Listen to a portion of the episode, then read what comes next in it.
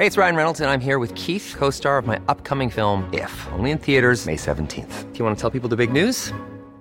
All right, I'll do it. Sign up now and you'll get unlimited for $15 a month in six months of Paramount Plus Essential Plan on us. Mintmobile.com slash switch. Upfront payment of $45 equivalent to $15 per month. Unlimited over 40 gigabytes per month. Face lower speeds. Videos at 480p. Active Mint customers by 531.24 get six months of Paramount Plus Essential Plan. Auto renews after six months. Offer ends May 31st, 2024. Separate Paramount Plus registration required. Terms and conditions apply if rated PG. Wow. Nice. Yeah. What you're hearing are the sounds of people everywhere putting on Bombas socks, underwear, and t-shirts made from absurdly soft materials that feel like plush clouds. Yeah, that plush. And the best part? For every item you purchase, Bombas donates another to someone facing homelessness. Bombas. Big comfort for everyone. Go to bombas.com slash ACAST and use code ACAST for 20% off your first purchase. That's bombas.com slash ACAST. Code ACAST. Quality sleep is essential. That's why the Sleep Number Smart Bed is designed for your ever evolving sleep needs. Need a bed that's firmer or softer on either side? Helps you sleep at a comfortable temperature? Sleep Number Smart Beds let you individualize your comfort so you sleep better together. JD Power ranks Sleep Number number 1 in customer satisfaction with mattresses purchased in-store. And now, save 50% on the Sleep Number limited edition Smart Bed for a limited time. For JD Power 2023 award information, visit jdpower.com/awards. Only at a Sleep Number store or sleepnumber.com. Veckans sponsor är Telia. Hos Telia samlar man mobil, bredband, IT-support, mobilväxel, allt som gör företagande enkelt. Och det är just det här att samla allt på ett ställe, att ha någon att vända sig till när det inte fungerar, det är Telia. Ett exempel på vad som inte är Telia, det är ju som när jag lyckas boka förmötet för en poddinspelning med Finansinspektionen till efter själva inspelningstillfället. Eller när jag här, här året var liksom, fick för mig att jag skulle börja springa, så jag är liksom ute och springer taggad, träffar en kompis som säger så du Jan, på måndag ska jag springa ett lopp. Och jag känner så här, ja men det låter inspirerande, så jag käkar pasta, jag byter om, tar mig ner till Malmö stadion för att göra en efteranmälan, står där i kön och sen så när jag liksom anmäler mig så tittar de på mig och säger så här, du Jan, vårhuset är bara till för kvinnor. Och eh, det var, det var typisk en situation som inte är Telia.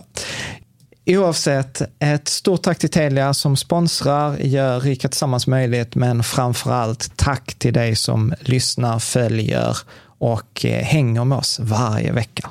Kungen tvingade de rika männen och kvinnorna att gå till lärdomens tempel och utbilda alla som ville lyssna i hur man blir rik. Du lyssnar på Rika Tillsammans-podden som handlar om allt som är roligt med privatekonomi i den här podden får du varje vecka ta del av konkreta tips, råd, verktyg och inspiration för att ta ditt sparande och din privatekonomi till nästa nivå på ett enkelt sätt. Vi som gör den här podden heter Jan och Caroline Bolmesson. Idag är det dags för avsnitt 43 Mm. Och eh, idag så tänkte jag att eh, vi ska prata om en så här lite favorit. Jag tänkte inte säga favorit i repris, men en favorit.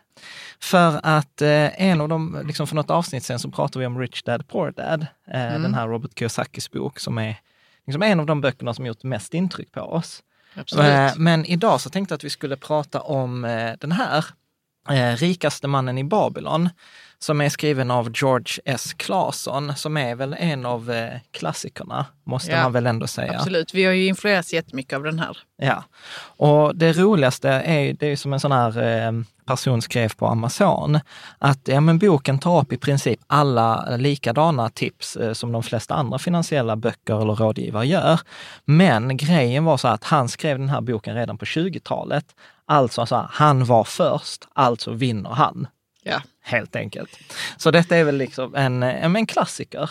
Det är det verkligen. Och, och klassiker därför att den ger så konkreta tips i hur man ska öka sin eh, ekonomiska, vad ska man säga? Ja men den finansiella folkbildningen ja. kan man väl säga. Och sen, det, det som är roligt med den här boken är ju att den är skriven på typ så här, på engelska heter det parables. Jag vet inte vad det heter på svenska. Nej, jag vet inte heller. Men typ mm. så här som, som Bibeln. Alltså så här, mm kan man säga, sedelärande historia. I historier. Historier i alla fall, ja. Där man får, eh, liksom, och boken bygger väl på det här temat eh, att eh, Babylon, den här staden i, alltså jag vet aldrig vad det är, Irak, eller så här, ti- i Tigris Eufrat, Mellanöstern i alla I fall, då, Mellanöstern, då, är vi. Mm. då är vi safe. Att eh, den här stan för 4000 år sedan var superrik eh, och de hade liksom de här Babylons hängande trädgårdar, de här murarna. Och stan, eh, liksom, det sägs ju liksom, när man tittar historiskt, att det var ju en av världens rikaste städer först, för att man bedrev handel på ett strukturerat sätt, men som man styrdes av lagar. He- Mm. Helt enkelt nedskrivna lagar.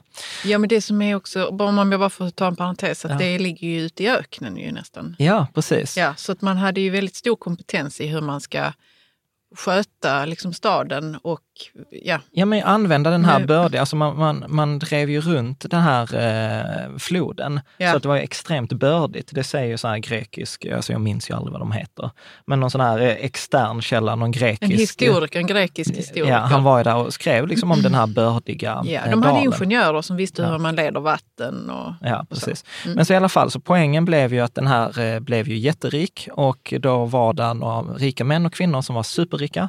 Så att liksom så här förmögenhetsfördelningen som man så fint pratar om, eller så här, eh, de här kvoterna, så, eh, så var det att eh, den var väldigt snedfördelad. Och då sägs det att den här kungen tvingade de rika männen och kvinnorna att gå till lärdomens tempel och utbilda alla som ville lyssna i hur man blir rik. Och jag tycker detta är skitgod. Detta är typ som bloggen för 4000 år sedan. I alla Ja. fall. Och då får Ja. man i boken följa den här Arkad och då hur han lär ut Den här, rikaste mannen den rikaste mannen i ja. baden eh, liksom, och hans resa. Vi vet ju inte ifall detta är, är sant. Nej, och, men det spelar ingen Nej, roll. det spelar ingen roll därför att det är, det är så bra. Ja, och, och, och principerna liksom funkar. Ja. Det, det måste man säga.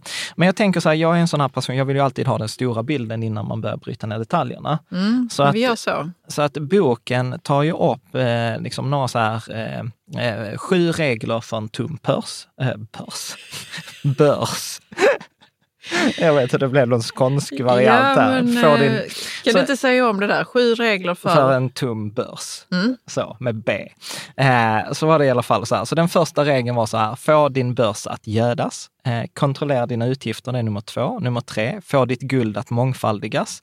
Skydda dina skatter mot skada. Låt din boning bli en lönsam investering. Försäkra dig om, att fram, försäkra dig om framtida inkomster, nummer sex. Och den sista var då, öka din förmåga att tjäna pengar.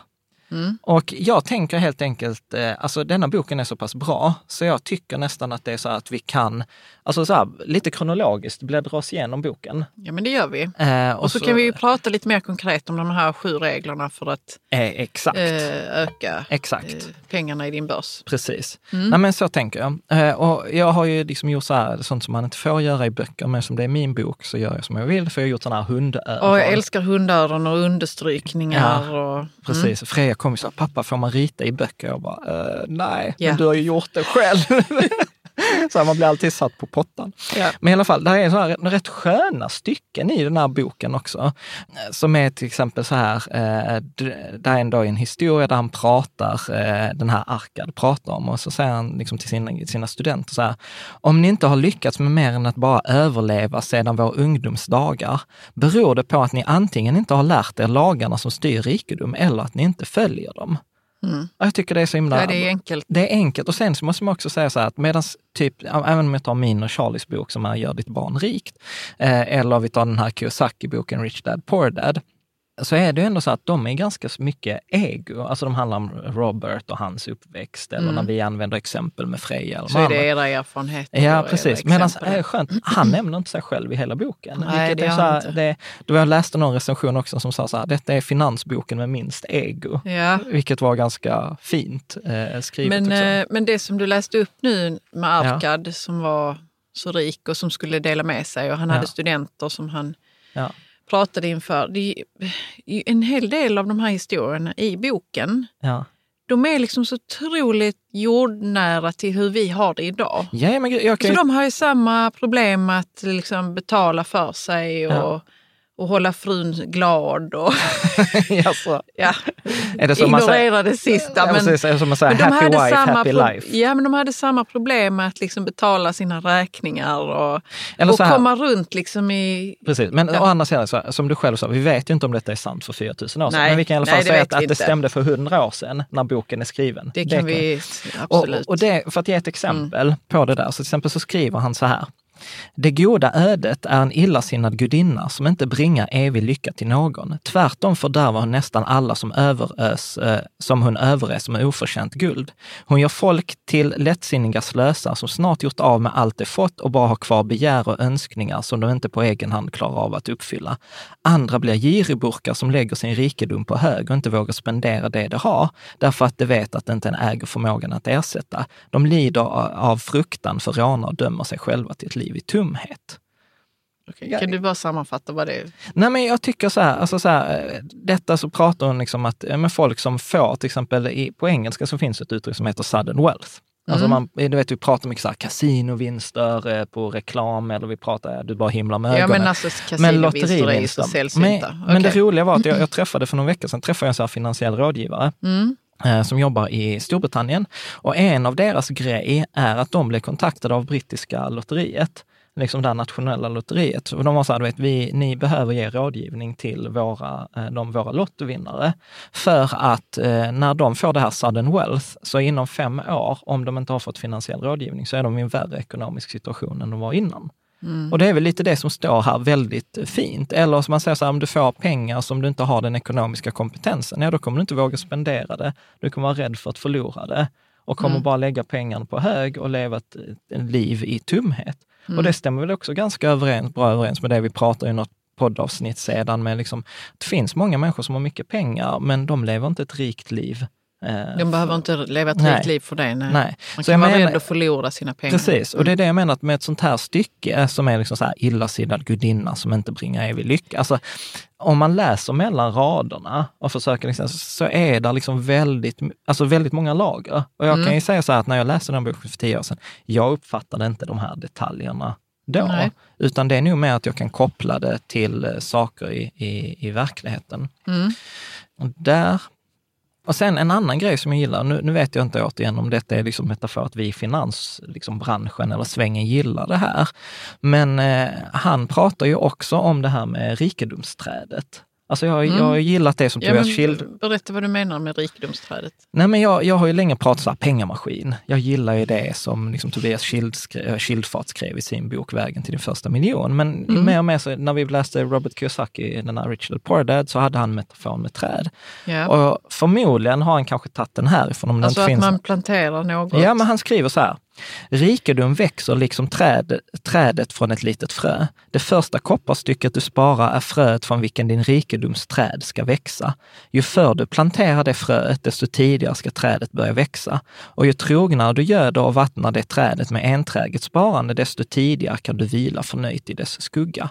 Och med de orden tog han sina tavlor och gick. Jo, det finns ju till och med en bank som har tagit fasta på det. Ja, precis. Med, Eh, med, Den med, metaforen med rikedom och träd. men tror du de har tänkt på det som Ingen aning. Alltså det kan ju vara så att den reklambyrån som har hjälpt den banken kanske inte har läst Ja, jag måste- Rikaste mannen i Babylon. Ja, men jag får men- faktiskt, jag får, för du menar Swedbank hoppas ja, jag menar Swedbank. Vad jobbigt och du menar något annat.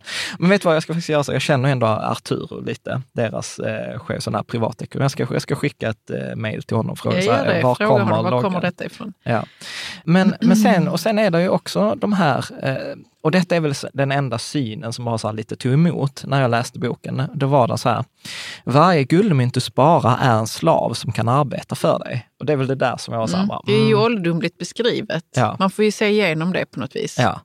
Eh, varje kopparstycke du tjänar är ett barn som även det kan tjäna åt dig. Och om du vill bli rik måste du spara också, måste det du sparar också tjäna. Och deras barn måste tjäna så att alla kan hjälpa dig att skaffa det överflöd du åtrar. Mm. Där, där kan jag ju... Ja, det är be- ålderdomligt beskrivet, men det är som sagt, Ja, är kontentan så- är att Mm. kontentan är ju briljant. Det är ju det som vi alltid pratar om, att pengar är ju mycket bättre på att tjäna pengar än vad vi är. Ja. Att eh, en krona jag tjänar, den kan jag ju sätta i arbete så den tjänar nya pengar. Och, och sen kan de pengarna kan jag jobba åt mig liksom 24 timmar om dygnet, sju dagar i veckan, 365 dagar om året. Och det kan till och med jobba i generationer. Att Mm. det är våra, Precis, liksom ja. med Freja eller liksom de kloka sen, så kommer ju de pengarna som vi tjänar kanske jobba åt, eh, åt henne också. Mm. Eh, Men det, det är någonstans lite längre bak i boken som, eh, som det står så här att Mm. om du riskerar att förlora dina pengar så riskerar du även att förlora den förtjänst som pengarna tjänar åt dig. mm, Och det är ju liksom sånt som man nog inte tänker på att okej, om jag lägger undan si så många hundralappar eller vad det, vad det kan vara, mm, eh, så är det inte bara dem jag kan eh, liksom skulle kunna bli av med om jag nu inte la undan dem. Utan det är även den förtjänsten som även de... de framtida pengarna. Ja, Ja. och vi har ju pratat om detta liksom, Ja. eh, tidigare. Men eh, jag tycker det var hä- häftigt att det stod även i, i denna boken. Ja. Att man ska tänka så också. Att det är inte bara en- något litet kopparstycke nu, utan det är vad den kan tjäna åt mig liksom, inom 10 år, 20 år. Ja, men det stämmer väldigt väl. Eh, alltså, han skriver ju också så här att när dina besparingar är borta, då har du ryckt upp ditt rikedomsträd med fö- fötterna. Jag vet, svårt att läsa, ja, rötterna. Eh, Ja, men- det känns lite jobbigt att göra. ja, precis. Det är väldigt visuellt. Ja, så att, nej, men jag gillar jättemycket den här metaforen med, eh, med träden. Men vet du vad jag också gillade? Det var Mm. att det här lilla kopparstycket han pratar om, om man då, som är den här första regeln för att eh, skapa mer pengar i din börs. Det är Mm, att man ska, ju, man ska göda sin börs, man ska lägga undan Mm. vad är det, 10 procent. Precis, han pratar ju en, eh, en tiondel som lägst. Han säger så här, en del, av allt, en del av allt jag tjänar tillhör endast mig. Säg det om morgonen när ni stiger upp, säg det vid middagstid, säg det om kvällen. Säg det varje timme, varje dag. Säg det till er själva tills orden tecknar sig som eldskrift eh, till eh, himmelen. Och, eh, och det handlar ju om just det här att, att en del av det som man tjänar är mitt att behålla. Ja, Eh, precis. Och vad jag gillade med det, när han Mm. pratade om det här lilla kopparstycket, eller 20 eller vad det kan vara i vår tid, är att det kan vara hur lite som helst. Mm. Men att man bara sparar det kontinuerligt, då kommer det att bli mycket. Ja, Och jag tror inte man, man tänker inte på det, att, eller man tänker så, det kanske inte är lönt att jag lägger undan den här 20 eller den här 100 lappen. Mm. Men, det, Men det, det är det, är lönt. Ja. Sen är det rätt roligt, för sen eh, så pratar han eh, lite om just det här också med, eh, låter det för bra för att vara sant så är det nog sant. Men i vilket sammanhang nu? Jo, när man skriver så här, säkra en inkomst för framtiden, se på de åldriga och glöm inte att även ni en gång kommer att räknas bland dem. Investera därför era rikedomar med den största försiktighet så att de inte går om intet. Och här kommer en fantastisk mening, detta ska jag nog säga på någon föreläsning. Höga räntor är svekfulla sirener som sjunger för att locka in den oförsiktiga bland förlustens och efterklokhetens klippor. Ja. Alltså det är ju helt fantastiskt, eh, vil- vilket också är sant. Alltså så här, man blir ju klok när man har, eller förhoppningsvis blir klok när man förlorat sina pengar. Så att, eh, sen kan jag ju i och för sig vara så här att det är lätt att man från sin egen värld bor avdömer saker för att få bra för att vara sant. Så jag brukar ju säga som Klas-Erik istället, så han sa så här, låter något för bra för att vara sant så förtjänar det närmare undersökning. Mm, Klas-Erik är din Gamla mentor. gamla mentor. Ja. Ja, och sen så pratar han också en liten men säker ränta mycket mer önskvärd än en risk. Och vet du vad, här kommer ett superspännande stycke. För att då skriver han eh, också så här, njut av livet medan ni är här, överansträng er inte och försök inte spara för mycket. Om en tiondel av allt ni tjänar är så mycket som ni rimligen kan avvara, nöj er med att lägga undan bara det. Lev i övrigt efter era tillgångar och akta er för att bli knussliga och rädda för att spendera pengar. Livet är gott och livet är fyllt av givande saker och sådant som skänker njutning. Och det Ja, men det är så himla lätt att det ska bli svart eller vitt. Ja, och nu att ska man- vi lägga undan pengar. Eller att man översparar. Jo, det är ju eller, liksom inte hållbart. Nej. Nej. Nej, så att det handlar om den här balansen. Men vet du vad jag tycker är det roligaste? Mm. Att det här stycket, det var ju någon som skrev det på Amazon, att detta stycke som jag precis läste och ett annat stycke om att man ska arbeta hårt och anstränga sig och vässa sågen, det har man tagit bort i den senaste versionen av boken. Jaha. Ja, så att eh, på Amazon så är de här reviewsen, eh, så läser man, det var någon som satte en stjärna, bara så här, jag älskar denna boken, men jag sätter en stjärna för att denna nya version är inte alls lika bra som den gamla. Och varför har man tagit bort att man ska jobba hårt och att man ska njuta samtidigt? Så, och, så hade han Är det är jättemärkligt. Ja. Så det var lite så här utled, liksom, liksom tidens tecken. Att nej, man ska inte njuta och man ska inte jobba hårt. Bara, Vad ska mm. man göra då? Ja, precis. ja, ja. Ja. Men du, eh, vi skulle gå igenom de här sju kulorna ju. Ja, men vi har redan börjat. Vi har Eh, redan börjat med en och det var den första, att man skulle lägga undan 10 procent Ja, av Eh. alla sina inkomster. Ja, precis. Som, som minst. Sen, Mm. sen har han faktiskt i slutet av boken ännu en historia där det var en som var satt i skuld, alltså som hade mycket skulder. Och då var det faktiskt en variant på det. Då sa han så här, oavsett om du skyldig andra pengar, så lägg undan 10 procent till dig själv och sen betala dina, eh, de du är skyldig, ja, de som du är skyldig pengar, Mm. betalar du 20 procent. Så du Mm. lever på 70 procent av dina inkomster under den tiden som du är eh, eh, skuldsatt. Ja, men jag gillar det också. Mm. Att man lägger ändå undan till sig själv fastän man är skuld till andra. Ja. Ja. Och, och, och detta liksom hänger ju ihop med, eh, med det här eh, som, som vi också har konstaterat, och detta skriver han om i boken också, att eh, när man har lagt undan då eh, nio, eller man har lagt undan en, en av tio kronor, så efter ett tag så märker man ju inte ens att man faktiskt lever på bara 90 procent av sina inkomster. Mm. Och då kan man ju ibland fundera, så vad gör de där liksom pengarna i vanliga fall när man inte lagt undan? Och det stämmer ganska väl överens. Jag har ju pratat med massor, alltså varenda föreläsning jag har hållit så har jag ställt denna frågan. Hur många av er har lagt undan 10 procent av era inkomster? Typ alla räcker upp handen.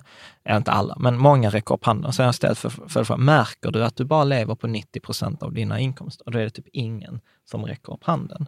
Nej. Men du, rent praktiskt, hur man lägger undan de där 10 procenten.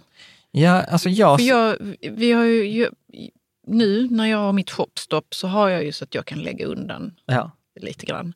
Och så tänker jag så här, jag måste bara lägga undan dem på en gång. Ja. Nej, För men vi- annars så går de åt ja. till mat eller vad det nu kan Ja, vara. alltså, så, så, så, som, så som vi har det på vårt eh, e-sparkonto, Mm. så är det ju så att vi har en automatisk överföring direkt till Nordnet Avanza. Mm. Så att när, alltså när lönen kommer in så då dras liksom bolåneräntan och massa andra saker.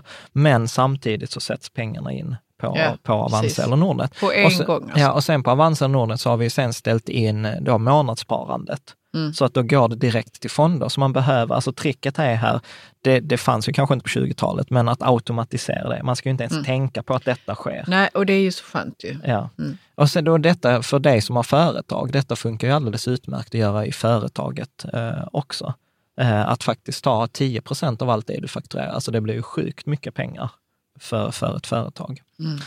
Bra, ska vi ta, det var så den första, få din börs att gödas. Tio, Mm. Lägg undan minst en tiondel. Eh, jag skulle säga så här, kan man lägga undan mer, gör det. Kan man inte göra eh, 10 procent, ta lägg undan det du kan lägga. Att du gör det är viktigare än hur mycket du Mm. gör det. Och automatisera det gärna med typ Avanza eller Nordnet. Mm. Eh, den andra kuren var kontrollera dina utgifter. Eh, och där Hur gör man det då? Ja, och där pratar han om den här andra effekten som är ganska intressant. Och där säger han så här, vissa av er har mycket större familj att försörja, ändå är alla börsar lika magra. Nu ska jag berätta en ovanlig sanning om människan. Det som var och en av oss kallar för nödvändiga utgifter kommer alltid att växa sig lika stora som våra inkomster, såvida inte vi sätter oss emot det. Förväxla inte de nödvändiga utgifterna med dina önskningar. Eh, Var och en av er har tillsammans med era goda familjer fler önskningar än vad vad era för, förtjänster kan tillfredsställa. Mm. Ja. Och jag tycker detta är fantastiskt. Alltså detta är ju det som jag kallar för Parkinsons lag. Alltså en, en arbetsuppgift tar exakt den tid som är avsatt för ändamålet. Jag tror de flesta känner igen det här, att om man ska lämna in en grej om en halvtimme, då är det klart om en halvtimme. Ska man lämna in ett arbete eller en rapport om två veckor, ja då tar den två veckor. Mm. Det sjukaste exemplet jag har haft eh, i det här, det var jag träffade två överläkare eh, som hade 111 750 kronor i nettolön. Eh, In, alltså in efter skatt. Efter skatt. 110 000. Hund- ett, nej, 111 750 kronor, jag, jag minns det. 111 750. Och när de hade liksom kontrollerat sina utgifter, gjort en genomsnittlig månad, periodiserat, alltså så här semestrar och bil eller etc. Då hade de utgifter för 110 890 kronor. Alltså de gick 900 kronor plus, vilket är liksom typ... Var, det är standard väl? ja, Eller- ganska, ja. ganska likt.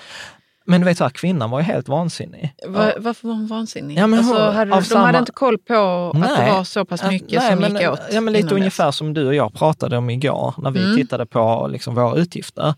Alltså för tio år sedan, när du var doktorand, vi, eller vi var studenter, då levde vi ganska gott på CSN, på 15 000 netto i månaden.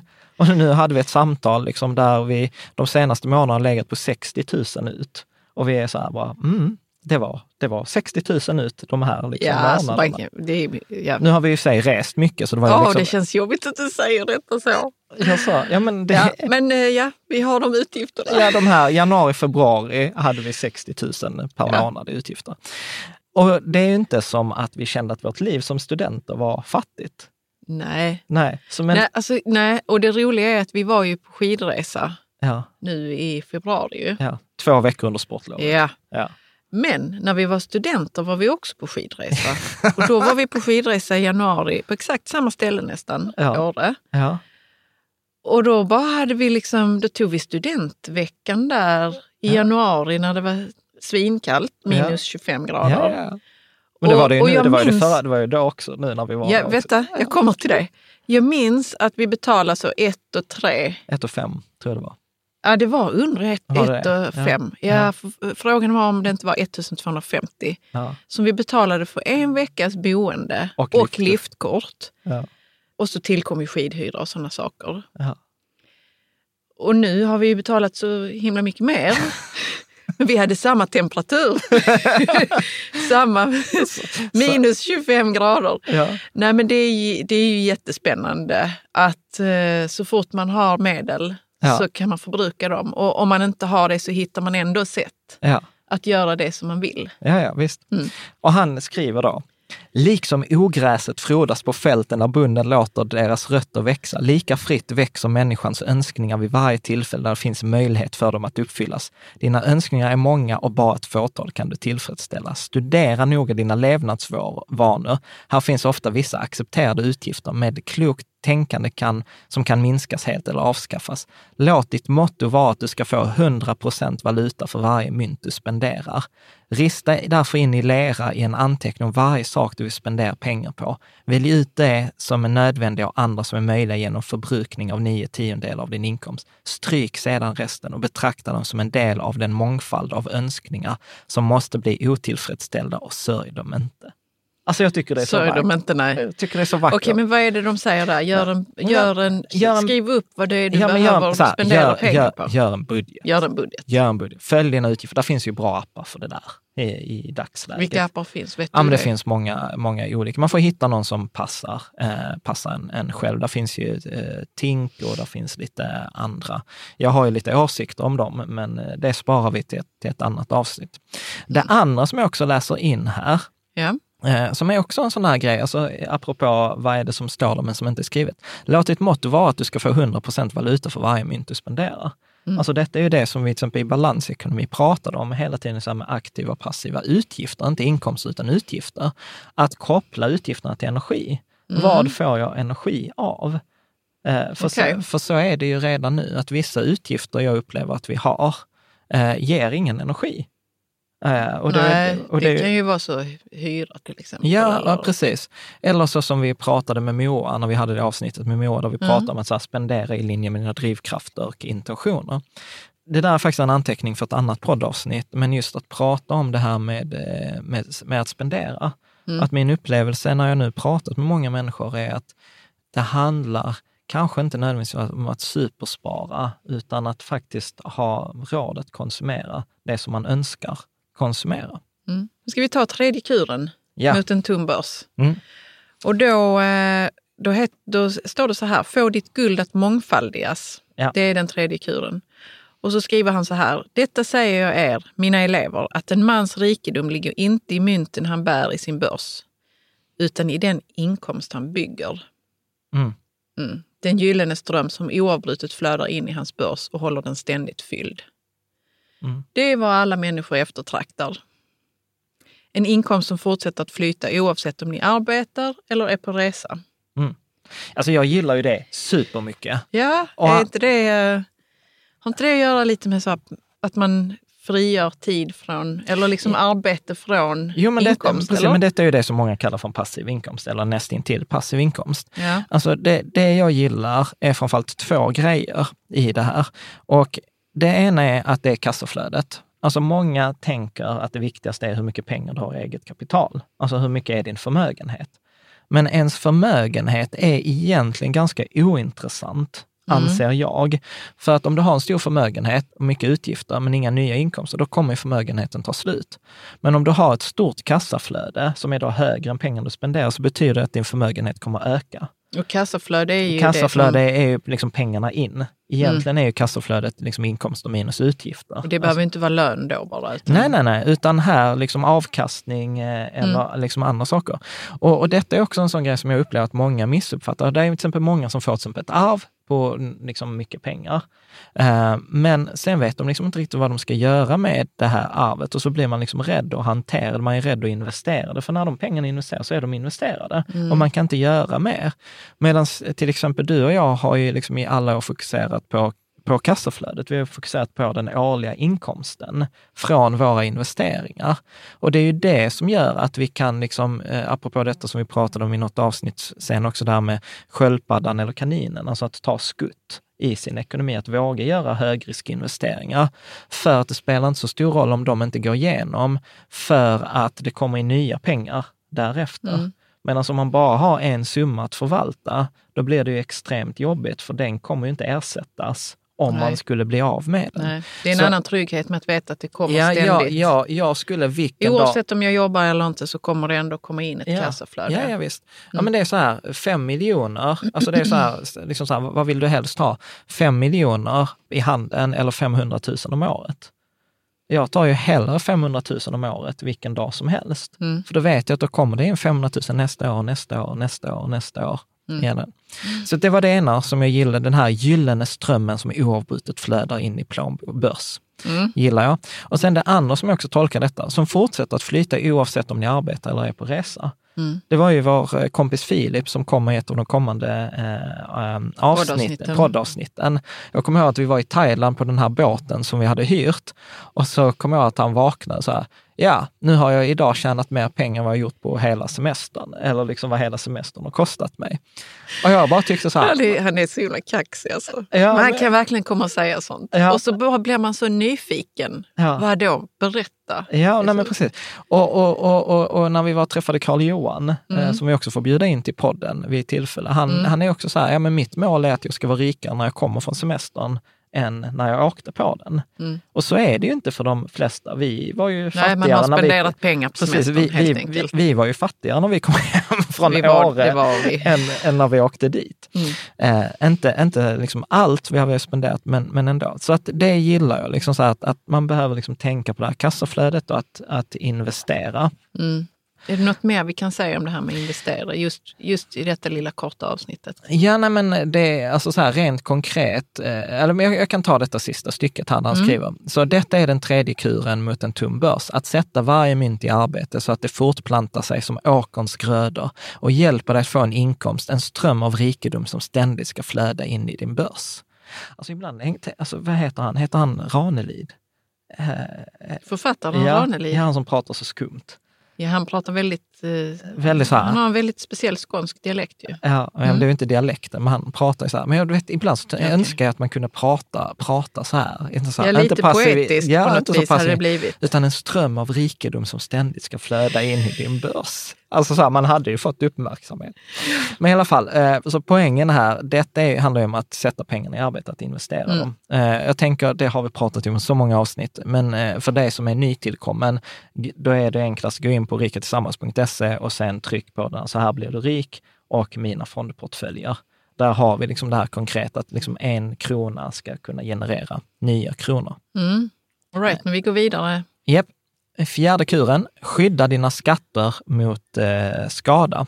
Som handlar väl egentligen väldigt mycket om eh, risken. Där det också är så här, undersök noggrant innan du skiljs från din skatt alla försäkringar om att den säkert kan återkrävas. Undvik att förledas av din romantiska längtan efter snabb rikedom. Eh, Skydda din förmögenhet från förlust genom att investera endast om ditt kapital är säkrat, om det kan återkrävas när du önskar och om du kan garanteras en skälig eh, ränta.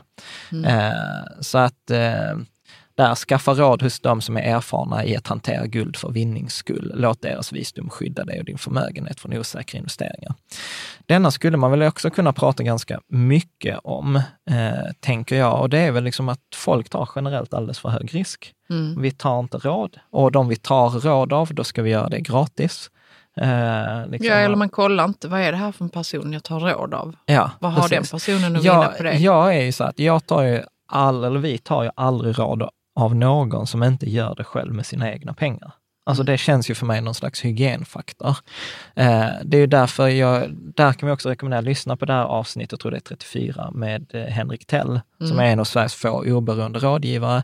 Där kan man ta också, jag gillade det här avsnittet där vi spelade in med Coeli, med Mm. Andreas Henrik. För de var så här, vi har alla våra pengar i vår egen fond, vi har gjort detta i 20 år.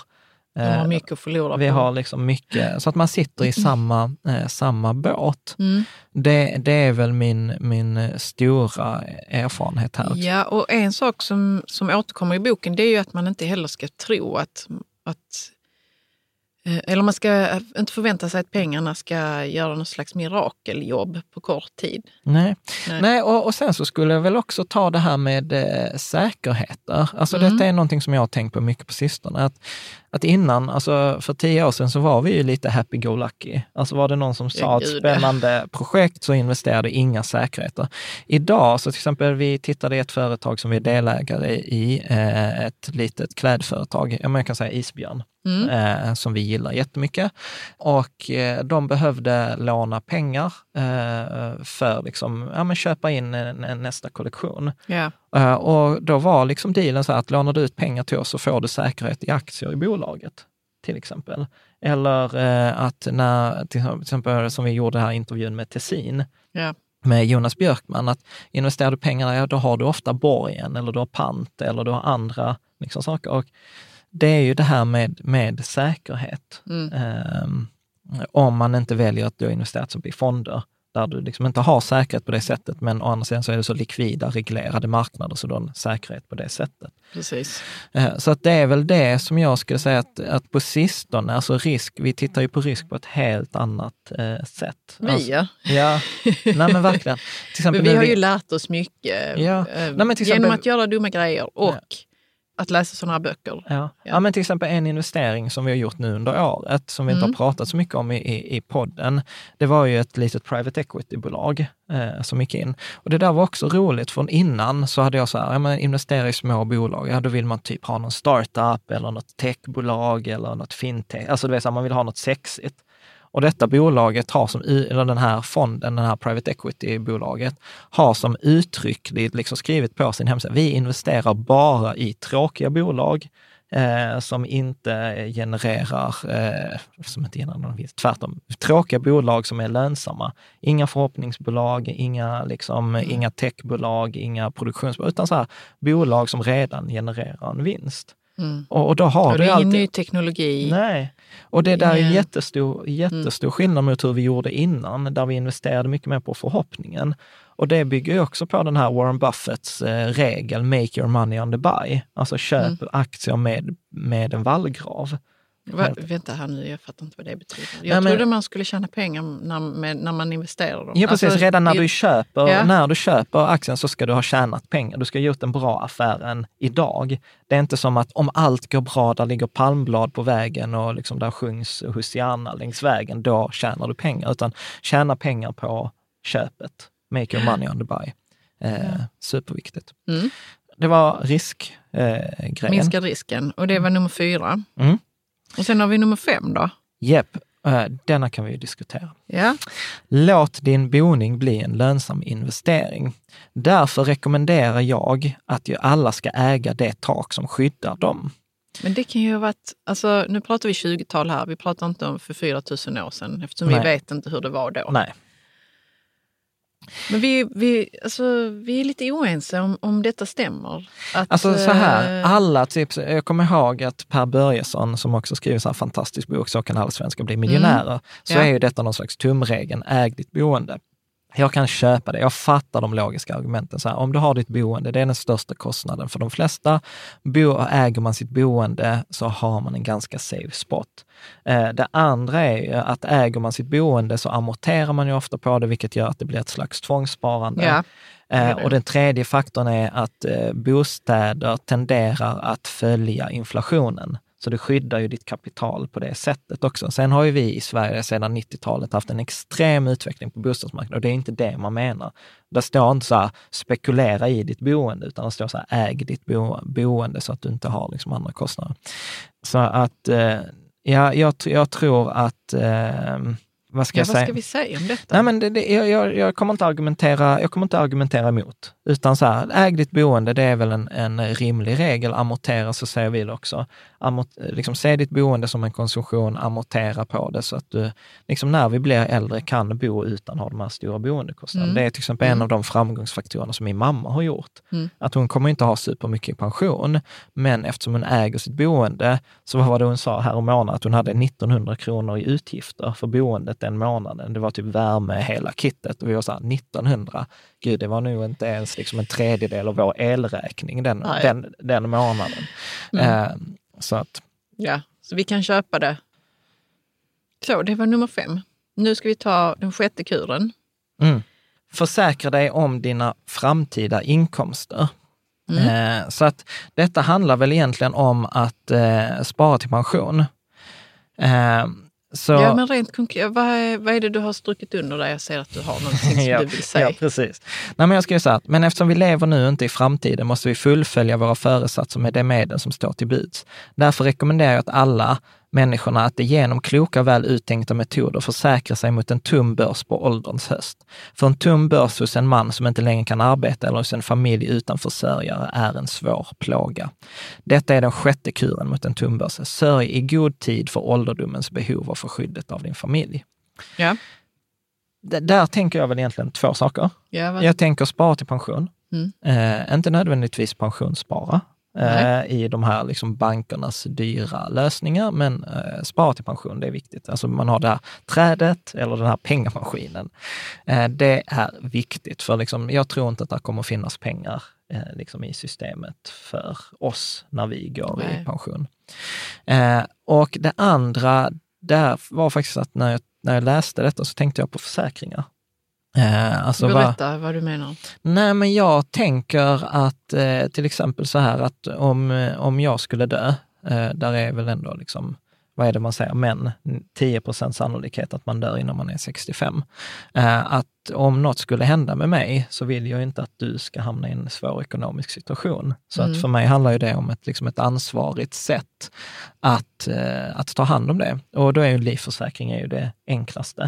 Eh, där det är så att ja, men man betalar lite pengar i månaden nu, om jag dör så får du ut en stor summa eh, pengar. Mm. Och där kan vi faktiskt göra lite reklam för en av bloggens sponsorer som är NK och Pupillkassan. Ja. Eh, som är livförsäkring. De flesta livförsäkringar funkar ju som så att eh, om det är så att du du dör innan du är 65 så betalas ut stor summa pengar. Men om du ändå med 90 procents sannolikhet lever på din 65-årsdag eh, så får du liksom inga pengar. Men NK Pupillkassan är så här att lite beroende på hur gammal du är, hur mycket du tjänar, vilket försäkringsbelopp eh, du tecknade på, så får du tillbaka en stor del av de premierna som du har betalat in. Så att det blir Ja. mer ett sparande än en Ja, utgift. jag tycker nog det är lite orättvist. Man betalar i, i många år till en livförsäkring och så faller ja, den faller inte ut. Men det, alltså man vill ju inte att den ska falla ut, men man, man får ju ingenting Nej, man får inget för det. Så Men att det får man i NK Pupillkassan. Ja, så då kan man gå in på deras eh, hemsida, tar man kontakt då med Lena eller hon som eh, sköter det, så kan man ju hälsa från oss. Mm. Bra, så att nej men försäkring, livförsäkring och, eh, Pension. och pensionssparande, det ser jag som nummer sex. Mm. Ska vi ta den sista kuren nu då? Mm. Öka din förmåga att tjäna pengar. Och eh, hade du någon tanke? Det låter så himla diffust. Ja, nej men jag... Men det gör det ju. Ja, nej men jag tänker att eh, det handlar eh, om Stephen Covey hade i den här eh, Att leva verka till 100 procent, den Seven Habits of Successful People, han pratar ju om det här konceptet vässa sågen. Mm. Och jag tror ju mycket på det. Alltså att hela tiden bli bättre, öka sin intjäningsförmåga, eh, bli bättre på det man gör. Så att man skapar ett större värde för andra människor. Mm. Skapar man ett större värde för andra människor så får man mer betalt. Och eh, han skriver ju så här, ju mer visdom vi har, desto mer pengar kan vi tjäna. Den som försöker lära sig mer om sitt yrke ska bli riktigt belönad. Eh, helt enkelt. Så man kan bli duktigare på sitt jobb. Ja, Man kan bli duktigare på en hobby kanske, ja, ja visst. som kommer andra till del på något Ja. vis. Där till exempel följaktligen uppmanar jag alla att stå i utvecklingens främsta led och inte stå stilla för att inte sacka efter. Mm. Och, och sen så pratar han eh, så här, liksom, sunt, sunt förnuft-grejer. Man ska betala sina skulder snarast än till köpa det man inte kan betala. Man ska ta hand om sin familj så att eh, det tänker och talar väl om en. Man ska upprätta ett testamente så att kvarlåtenskapen rätteligen kan uppdelas om gudarna kallar hem en. Alltså det är så fina formuleringar. Man ska ha förbarmande över dem som, en, som har skadats eller drabbats av olyckor och hjälpa dem inom rimliga gräns, gränser. Man ska göra omtänksamma handlingar gentemot den som man håller av. Därför är den sjunde och sista kuren mot en tumbörs detta, att odla sina egna förmågor, att studera och bli visare, att bli skickligare som att uppträda med respekt för sig själv. På så sätt kommer du vinna självtillit och lättare uppfinna dina kloka önskningar. Vad tänker du? Ja, alltså det känns ju som en sån där mouthful att, att uh, smälta på något vis. Hur bidrar det till min hur bidrar det till min förmåga att tjäna pengar? Alltså det där med att vara snäll mot andra och se de som inte har så mycket kanske. Och, Men handlar det inte om att så här, ge för att få? Och liksom att ta hand? Alltså, ja, att vara generös först. ja, Ja. Jag, jag tror ju på det. Jag tror att man behöver ge för Mm. att eh, liksom jag, jag, sen... tror, jag håller med dig. Och det har få. alltid varit så genom hela livet för mig. Och Mm. jag kan inte liksom säga så hur de hänger ihop på något vis. Ja, Exakt, men de gör det. ja. Det är som karma. ja, precis. eh, nej, och sen så var det väl liksom mycket så här som återkommer. Eh, vad var det Robert Kiyosaki skrev i sin bok? Det är inte de, eh, mo, eh, det är inte de smarta som lyckas i livet, utan de som är modiga. Mm. Och då skriver han också, handlingskraftiga människor vinner gunsten hos den goda lyckans gudinna. Sen var det ju en grej som du tyckte var lite skum, som var så här Ja. att efter de här sju kurerna mot en tumbörs, då kom så här guldets fem lagar. Ja, guldets fem lagar var ju associerade till de här sju. Mm. Ja, men vill inte du läsa, läs, ta en i taget? Jag kan ta en i taget så kan här. vi prata om det. Guld kommer gladeligen och i stigande grad till alla som är villiga att lägga undan minst en tiondel av sin förtjänst i syfte att skapa en förmögenhet för sin framtid och sin familj. Ja. ja, men det har vi pratat om. Det, är har så vi pratat om, det var ju nummer ett själv. Ja, också. spara där. till dig själv först. Spara Ja. till dig själv. Guldets fem lagar. Nummer två då. Mm. Guld arbetar flitigt och förnöjt åt den kloka ägare som finner lönande arbete åt det. Och det förökar sig lika lätt som jordarna i hagen. Ja, det är väl Det var ju investera också- pengarna. Ja, alltså, det känns ju som att detta är en sammanfattning kanske. Detta är nog en sammanfattning. Ja. Vi tar nummer tre. Mm. Guld tyr sig till skyddet hos den försiktiga ägaren som investerade efter goda råd från andra med vana att sköta sådana affärer. Mm. Så man ska ta råd från rätt personer. Ja, och att skydda det. Där tänker jag, det där hänger ju också ihop med Warren Buffett och världens rikaste man. Han har ju två regler. Never lose money, en regel nummer ett och nummer två är glöm aldrig regel nummer ett. Och det handlar ju om att det, det är, tar ju liksom exponentiell intjäning. Alltså om jag förlorar, om jag har en hundralapp och förlorar 50 kronor, då måste jag ha 100 procents avkastning för att komma tillbaka till 100. Och det har jag också skrivit om på bloggen, den här grafen. Att, kommer ni ihåg, vi hade det poddavsnittet, att om jag förlorar 90 procent av mina pengar, då behöver jag ju 900 procents avkastning för att vara tillbaka på noll. Ja. Så att jag, det är väl det jag tolkar in i det också. Mm, nummer Eh, fyra. Nummer fyra av guldets fem lagar. Guld glider ur händerna på den som investerade i affärer eller för syften han inte är bekant med eller som inte gillas av de som är skickliga i dess förvaltning. Jag läste den en gång till, den var svår att hänga med på. Guld glider ur händerna på den som investerade i affärer eller för syften han inte är bekant med Okej, ja. eller som inte gillas av de som är skickliga i dess förvaltning. Ja, ja, ja. Alltså, ja. Det är rätt intressant. ja. Apropå liksom så att, men, det är väl en variant på det här som, eh, som Klas-Erik sa till mig. Liksom, när en person med pengar träffar en person med erfarenhet, så händer alltid samma sak, att den som, får, eh, den som hade erfarenheten får pengarna och den som får, hade pengarna får erfarenheten. Mm. Mm. Och den sista tycker jag är jättebra, för det får mig att, tänka på risken. Okej, men du får berätta den först. Jag ska berätta den nu. Sista av guldets fem lagar lyder så här. Guld flyr från den som tvingar det till omöjliga förtjänster. Åh, Eller som följer de frestande råden från skojare och bedragare eller som anförtror det åt sin egen oerfarenhet och romantiska önskan att investera. mm. Har vi gjort något sånt någonsin? Jan? Aldrig.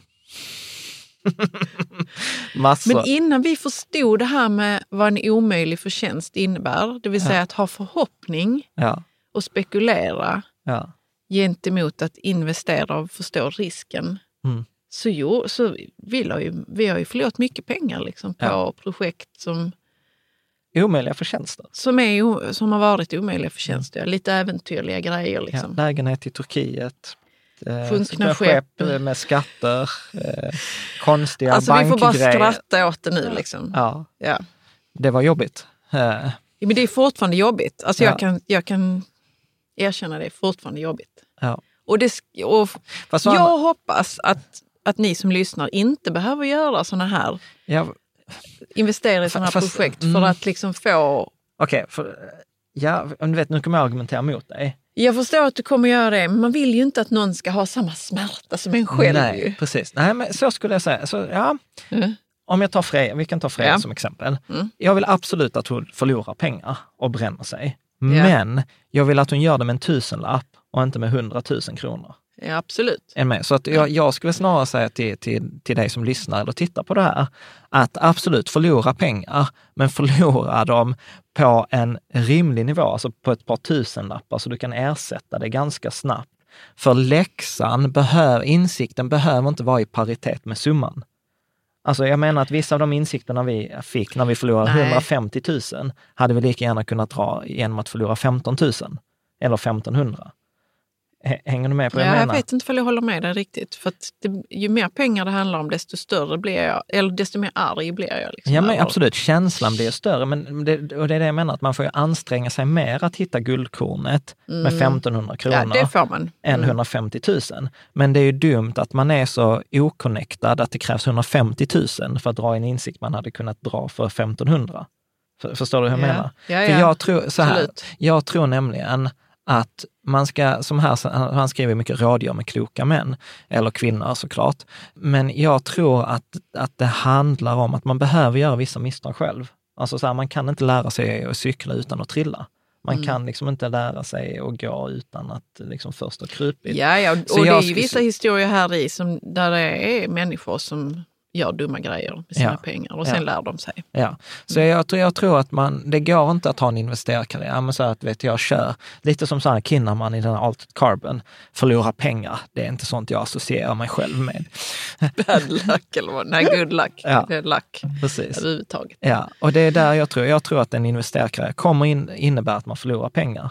Men Mm. man kan ju vara uppmärksam eh, på det. det. Det är min åsikt. På Jag vad man lär sig av det i ja, alla fall. att ja. dra insikterna. Mm. Eh, absolut.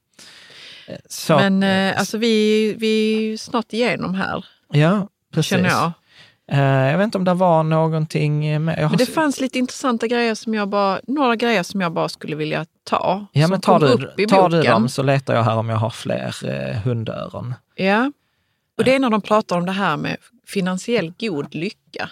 Ja, Eh, om man pratar om att jaga lyckan, det gör man inte på ett kasino. Alltså, eh, just när den här Arkad har liksom sina, sin sån här eh, lektion. ja, Eh, så frågar han vad är det liksom för någonting, finansiell lycka, Mm. alltså luck.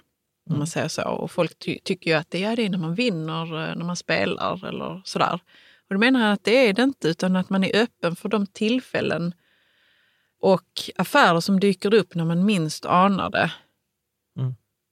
Då ska man agera snabbt, för majoriteten av oss vacklar och prokrastinerar beslut när en sån här affär som stämmer på alla plan uppenbarar sig. Alltså, det har du ju sagt till mig för flera år sedan. Affärer kommer inte när man har, när alla, alla korten liksom, eller alla stjärnorna står på rad. Utan man måste, man måste vara uppmärksam på dem när de kommer. Ja, jag håller med helt och hållet. Alltså, jag kan ju bara ta exempel nu i förra veckan. Mm. Där, där det kom den här affären med eh, ja, men, eh, isbjörn. Ja. Eh, där det var så här, men låna ut pengar, bra säkerhet, bra ränta, kort tidsperiod. Och jag fick mejlet och så var det så här, först till kvarn gäller. Och, jag, det var inte mycket pengar Nej. egentligen de behövde heller. Nej, Alltså, och jag, jag läste mejlet och liksom så här, jag, fick, jag läste det 20 minuter efter att det kom. Och sen satt jag i 20 minuter och tvekade. Jag jo, bara- du skickade till mig. Ja, men och- efter 45 minuter, då hade jag redan suttit och tvekat i 20 Jaha, minuter ja. innan jag skickade det till dig. Innan jag bestämde, ja men så här, vi ska göra den här affären. Och sen inom en timme så skickar vi tillbaka. Alltså, ja men vi är sugna på att göra den här affären. Ja, då var det redan kört. Ja. Och jag var så här, fan, hade Och jag, jag, skick- jag kommer ihåg att jag skickade ett mejl till dig efter att jag hade skrivit ja men vi gör det. Ja. Så fick jag ett till, bara, men vi måste nog vara snabba. Ja, Och precis. då var det redan för Och sent. då var det redan för sent. Ja. Så att eh, så är det ju. Och, och, och, och nu var ju detta extremt. Det är ju sällan en affär försvinner på en timme. Men Nej. om jag skulle översätta det så skulle jag säga så att man behöver ju vara ombytt till matchen. Ja. Alltså när möjligheten kommer, alltså det, det som vara på liksom avbytarbänken i en fotbollsmatch. Det är ju inte som att tränaren ropar så här, okej, ska du in på plan? Och du bara så här, äh, äh, vänta, jag ska bara byta om. Och vänta, hur var nu reglerna i det här spelet? Och spelar vi fotboll eller handboll? Eh, så att jag tror att det gäller liksom att man har pengar tillgängligt eller man, man har sina kon- bankkontakter eller att man, man är ombytt. Man är Mm. ombytt till, till matchen och kan ta möjligheten när den eh, kommer. Har du något mer? Jo men det har faktiskt eh, åtminstone en till grej som jag tyckte var häftig. Och det var det här, vilken inställning har du till problemet pengar? Mm. För det var, Var ju, det verkligen med i boken? Jo men det var det för att det fanns en liten historia här rätt långt bak. Mm. Eh, där det var en man som var slav och han eh, fick jobbet att passa upp då på sin herres fru. Mm. Och de började prata med varandra och hon, hon upplevde sig också som en slav. Mm. Hon hade blivit bortgift med liksom sin hemgift och allt det där. Och hon frågade honom, ehm, är du fri eller är du slav under dina omständigheter? Alltså vilken inställning har du till din situation? Mm. Och så sa hon, den fria människans själ betraktar livet som en rad problem att lösa. Mm. Och löser dem. Medan slavens själ klagar, vad kan jag göra som blott är en slav? Eh, som inte har den och den kompetensen eller de kontakterna eller som inte vet hur man gör etc. Och det finns till och med en egen sida här i boken som, där det står så här, finns det en vilja så finns det en väg. Mm. Och det tycker jag, jag tycker bara att det, blev, att det var väldigt liksom, fint. För att du, hur du har, upplever ditt liv och vad du har för resultat i ditt liv Mm. beror mycket på din inställning till de problemen som dyker upp. Mm. Nej, men vad tycker precis. du? Nej, men jag, jag håller med. Alltså, jag brukar ju säga så att, eh, och detta har jag tagit från balansekonomi, eh, där vi mycket pratar om så att ditt ekonomiska resultat är en följd av ditt beteende. Ja. Och ett beteende, det är ju det som man slarvigt brukar kalla för personlig utveckling. Och skulle jag nog säga att, alltså man skulle säga en grej från personlig utvecklingsvärlden, så är det ju så här konceptet om att vara ansvarig. Alltså att lek, leken, att allt som händer inte händer i ditt liv, alla resultat du har, alla resultat du inte har, har med dig att göra. Mm. Det vill säga att okej, är du inte miljonär så handlar det om något som du har gjort eller du inte har gjort. Mm. Är det så att ditt liv ser ut på ett visst sätt så beror det på saker du har gjort eller inte har gjort. Mm. Och då kan man ju antingen tycka att det är statens fel eller Göran Perssons fel eller liksom Löfven.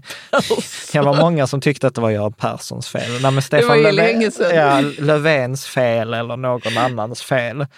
Eh, och det kan man ju tycka och det kan mycket väl vara sant. Men problemet är då att om Löfven är på ett visst sätt så är det inte så mycket jag kan göra åt det, för Löfven är ju Löfven. Men Mm. om jag leker tanken med att det är mitt ansvar, så flyttar jag ju makten till mig själv. Ja, Och och, då- det är grymt, eh, vad ska man säga, empowering. Alltså jätte, man, jätte- man känner egentligen att man har kontroll i sitt liv Ja, när är man gör jätte- det. Det är jättekraftfullt Ja. eh, och jättejobbigt. Eh, faktiskt. Eh, för att det ställer ju liksom som till exempel jag är, jag upplever att jag har mycket att göra just nu och är lite stressad, eller ganska mycket stressad för det. Och då är det ju så här, okej men eh, liksom vem, vem har ställt till det i mitt liv? Det var Göran Persson. Det var Göran Persson. Eh, nej men det har ju bara med mig att göra. Eh, och det är ju ett synsätt som är extremt jobbigt, för man håller ju med om detta i teorin, ända tills man kommer till ett känsligt område och då är det fan någon annans fel. Liksom. ja. Och Och då- man hade inte kunnat göra annorlunda. Nej, och då har man ju och- lämnat ifrån sig hela den här makten. Alltså precis. Ja. Och i boken så kallar han ju det för ett slavtänkande eller en fri, fri tänkande. Så att det är ett jätte, jättestort eh, kon koncept. Eh, skulle Som jag vi säga. tycker, vi tycker om det. Ja, alltså det, det talar ju smack in till hur du och jag försöker leva vårt, eh, vårt liv. Mm. Och mycket det vi har tagit coaching i och mycket av alla poängen i alla de kurserna i personlig utveckling som du och jag har gjort, så är ju detta ett bärande tema. Mm. Och också det här med omständigheter. Att jag tror att, alltså vi måste bjuda hit Lennart vid ett tillfälle. För han, vi har, ju- han pratar ju alltid om det här med, okej, antingen så har du resultat eller så har du en omständighet eller en ursäkt. Och du Okej. kan inte ha både ett resultat och en ursäkt Men samtidigt. kan vi bara ta liksom exempel? Resultat kan vara så att man har... Ja, men så här, du kan inte både vara i tid Ja. och ha en ursäkt till att du inte är i tid. Nej, Är du med? Ja. Du kan inte både ha en miljon och, inte och, och, och, liksom inte ha, ha en förklaring till varför du inte har en miljon. nej. Det är väldigt många människor som har en förklaring till varför de inte har en miljon. Mm. Fär, fler än de som faktiskt har en miljon. Mm. Eller vilket annat eh, grej man nu tar. Mm. Alltså en fantastisk relation med sina föräldrar.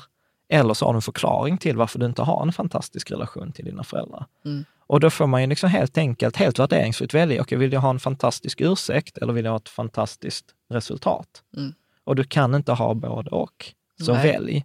Eh, och det är ganska, ganska tufft. Ja, det är tufft. Men, men, men det ger ju också väldigt många möjligheter.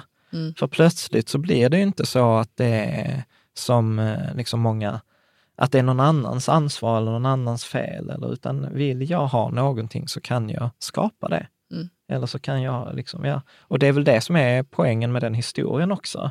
Hur han, liksom så här, livet går emot honom och han har otur och han blir infångad och allting. Men sen så liksom handlar det om det här beslutet, att göra ett val, fatta ett beslut och sen att faktiskt skapa det som man önskar ha i sitt liv. Och att Mm. se att det är upp, upp till mig. Mm. Ja, Ehm, precis. Jo, men jag har en till här som är, anknyter an lite till det. Mm. Och det är ju att sätta tydliga önskningar och mål. Mm. Det du vill måste du uttrycka i en tydlig önskan. Öva dig att uppfylla först små önskningar och sedan allt större. Jag tycker den är jättesvår. Helt ärligt. Jag Detta tycker den är jättebra. Tycker du det? Och, jo, men vet du vad som är briljant i den? Nej. Det är att man först uppfyller små önskningar. För det kan vi. Ja. Men stora önskningar kan vara lite tuffare. Är det så? Ja, och, jag, och det som jag gillar så mycket med det här, det är ju att man, att man övar sig på de små önskningarna. Mm. Men kan du ge några exempel från ditt liv då? Oh, ett exempel från mitt liv. Jag vet inte. Jag håller nog på med det där hela tiden, tror jag. Mm. Med små önskningar. Men jag håller inte på med stora önskningar. Mm. Så där har jag min eh, utmaning. Att jag kan, eh, jag kan önska mig ett hälsosammare liv och då vet jag hur jag fixar det. Mm. Massa- Måltid för måltid. Mm. Inte så, oh, jag ska hålla på med detox i två veckor. Nej, nej, nej. Mm. Måltid för måltid är det. Mm. Små önskningar. Mm. Och så kan jag säga det att jag vill, eh, Jan, vi behöver spenat och vi behöver Mm. det här och det här. Och så hjälper du mig. Med de önskningarna. Mm. Till och med Freja kom igår. Hon bara, pappa jag vill ha det där gröna som mamma har. Jag bara, den där kryddan, jag bara typ timjan, basilika. Nej, nej. Till slut så sa spenat. Ja, jag vill ha spenat. Jag var så här, vad är det för fel på dig? Nej, men det är jättebra. Men jag håller nog på med små önskningar och där tycker jag så fantastiskt. Men då övar jag ju mig. Men jag vill ju komma till lite större önskningar. Som jag vill ju köpa en ny säng till exempel. Mm. Och så kanske det ska vara en speciell säng som är stor och som är skön och, Mm. och så. Och så är den kanske jättedyr. Mm. Och så blir jag så handfallen. Hur ska jag göra nu? För att, Mm. Hur ska jag kunna skaffa mig den? Det är roligt för jag är precis, Är tvärt, jag är precis tvärtom. Ja, men då skaffar vi den stora sängen. Men jag är skitdålig på, ja, men jag är ganska dålig på mål överhuvudtaget. Faktiskt. Alltså jag, jag, jag går inte riktigt, jag vet folk pratar om så här smarta mål. Jag, jag har läst varenda bok på mål, och, så här, men jag blir, jag blir så trött på mål. Ja, men det kanske bara inte resonerar med dig. Nej, ja, för jag, för jag, upplever, jag upplever den här tomheten. Att varje, Ja. jag har satt så många mål och jag har nått dem och sen har jag upplevt, jaha, det var inte detta. Nej, men det kanske är som Moa säger, att du ska sätta sådana här Känslomässiga, känslomässiga mål. Att jag vill känna mig ska- glad på fredag. Eller, Ja. Ja. Ja, det där är ju en annan story, att jag är ju prestationsmänniska, så jag har ju lätt för prestationsmål. Mm. Eh, det var ju samma, vi var på en utbildning i, i helgen. Eh, och alltså så här, ge mig mål så här med tjäna x pengar eller prestera x eller så. Det är ju inga problem. Nej. Och så ställde du en fråga, så här, okej, men när gör du något som inte är prestationsorienterat? Och mitt svar var så här, "Nej, jag har ingen aning. Jag vet fan ens om jag har gjort något som inte är prestationsorienterat de senaste åren. Så att det där är, ja, men jag tror vi har utmaningar bara på olika, På olika plan, ja. på olika plan. Ja.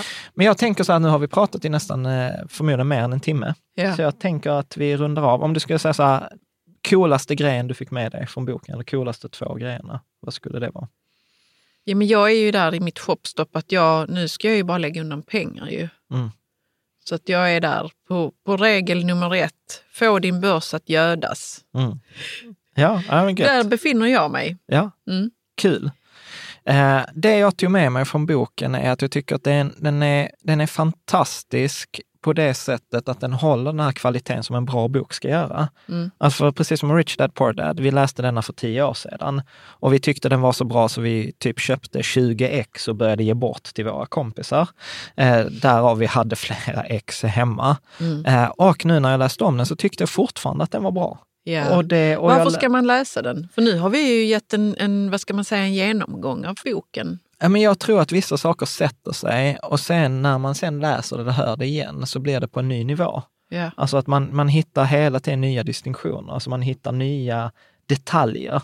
Mm. Eh, och jag, jag tänker så här nu när jag läser andra gången, så jag tänker att ah, den håller fortfarande och den är briljant. Och den är hundra år gammal. Alltså boken är seriöst snart hundra år gammal. Ja. Det är så här, respekt. Och den är ett nöje att läsa faktiskt. Ja. Och det är För kul. de som gillar historier Ja, och, och och det är- liksom kunna ta med sig en pärla från varje Precis, och det är historia. inte ens som att historierna går från perm till perm, utan Nej. historierna är ju avslutade. Så var- jag var till och med vid ett ställe så här, vänta här nu, när jag bläddrar i det, vänta nu är det en helt annan person som inte alls var med i början av boken. Sen fattade jag att det var, historia. att det var Mm. liksom eh, med det.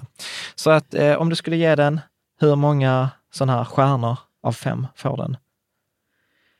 Den får fyra stjärnor av fem. Fyra? Mm. Jaså, va, va, okej. Nej, men för att eh, jo, men jag gillar den och, och jag är eh, liksom... ja. Så, men jag är inte eh, helt... Alltså jag är inte totalt blown away. Liksom. Nej. Det kom inget supernytt till mig. Det kan det göra för dig Ja, som läser den. ja. Så att, och, så, Jag ger den fyra och en halv. ja. Fyra och en halv, jättebra koncept. Den är på en konceptuell nivå. Sen är det svårt, tror jag, att utan erfarenhet översätta den till rent konkret. Okej, så vad gör jag? Eh, så det skulle jag väl liksom säga att jag tror att man behöver, typ som vi gjorde nu, att man pratar om den med någon. Hur, hur kan jag applicera den här boken i mitt liv, rent Ja. konkret? Precis. Som vanligt, tack så mycket för att eh, du har tålamodet och för att du har lyssnat och eh, tittat på Mm. det här avsnittet. Som vanligt, gå gärna in på Riket Tillsammans, kommentera, vi läser alla kommentarer. Numera svarar jag faktiskt på i princip alla kommentarer som går att svara på, Mm. svarar jag på. Så att eh, där, prenumerera gärna på Youtube eller på Soundcloud eller i din poddspelare eller på, på nyhetsbrevet så att Ja. du inte missar sådana här eh, artiklar i framtiden.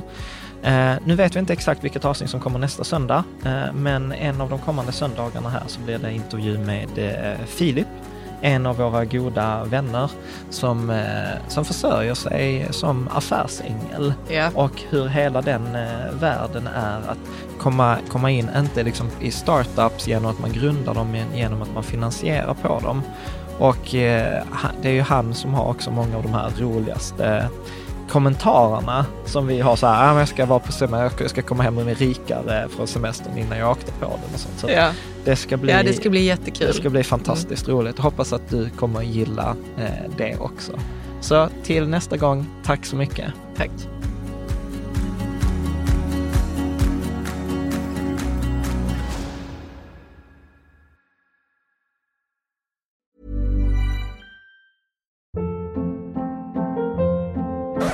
Hold up. What was that? Boring. No flavor. That was as bad as those leftovers you ate all week. Kiki Palmer here, and it's time to say hello to something fresh and guilt-free. Hello Fresh. Jazz up dinner with pecan-crusted chicken or garlic butter shrimp scampi. Now that's music to my mouth. Hello Fresh. Let's get this dinner party started. Discover all the delicious possibilities at hellofresh.com.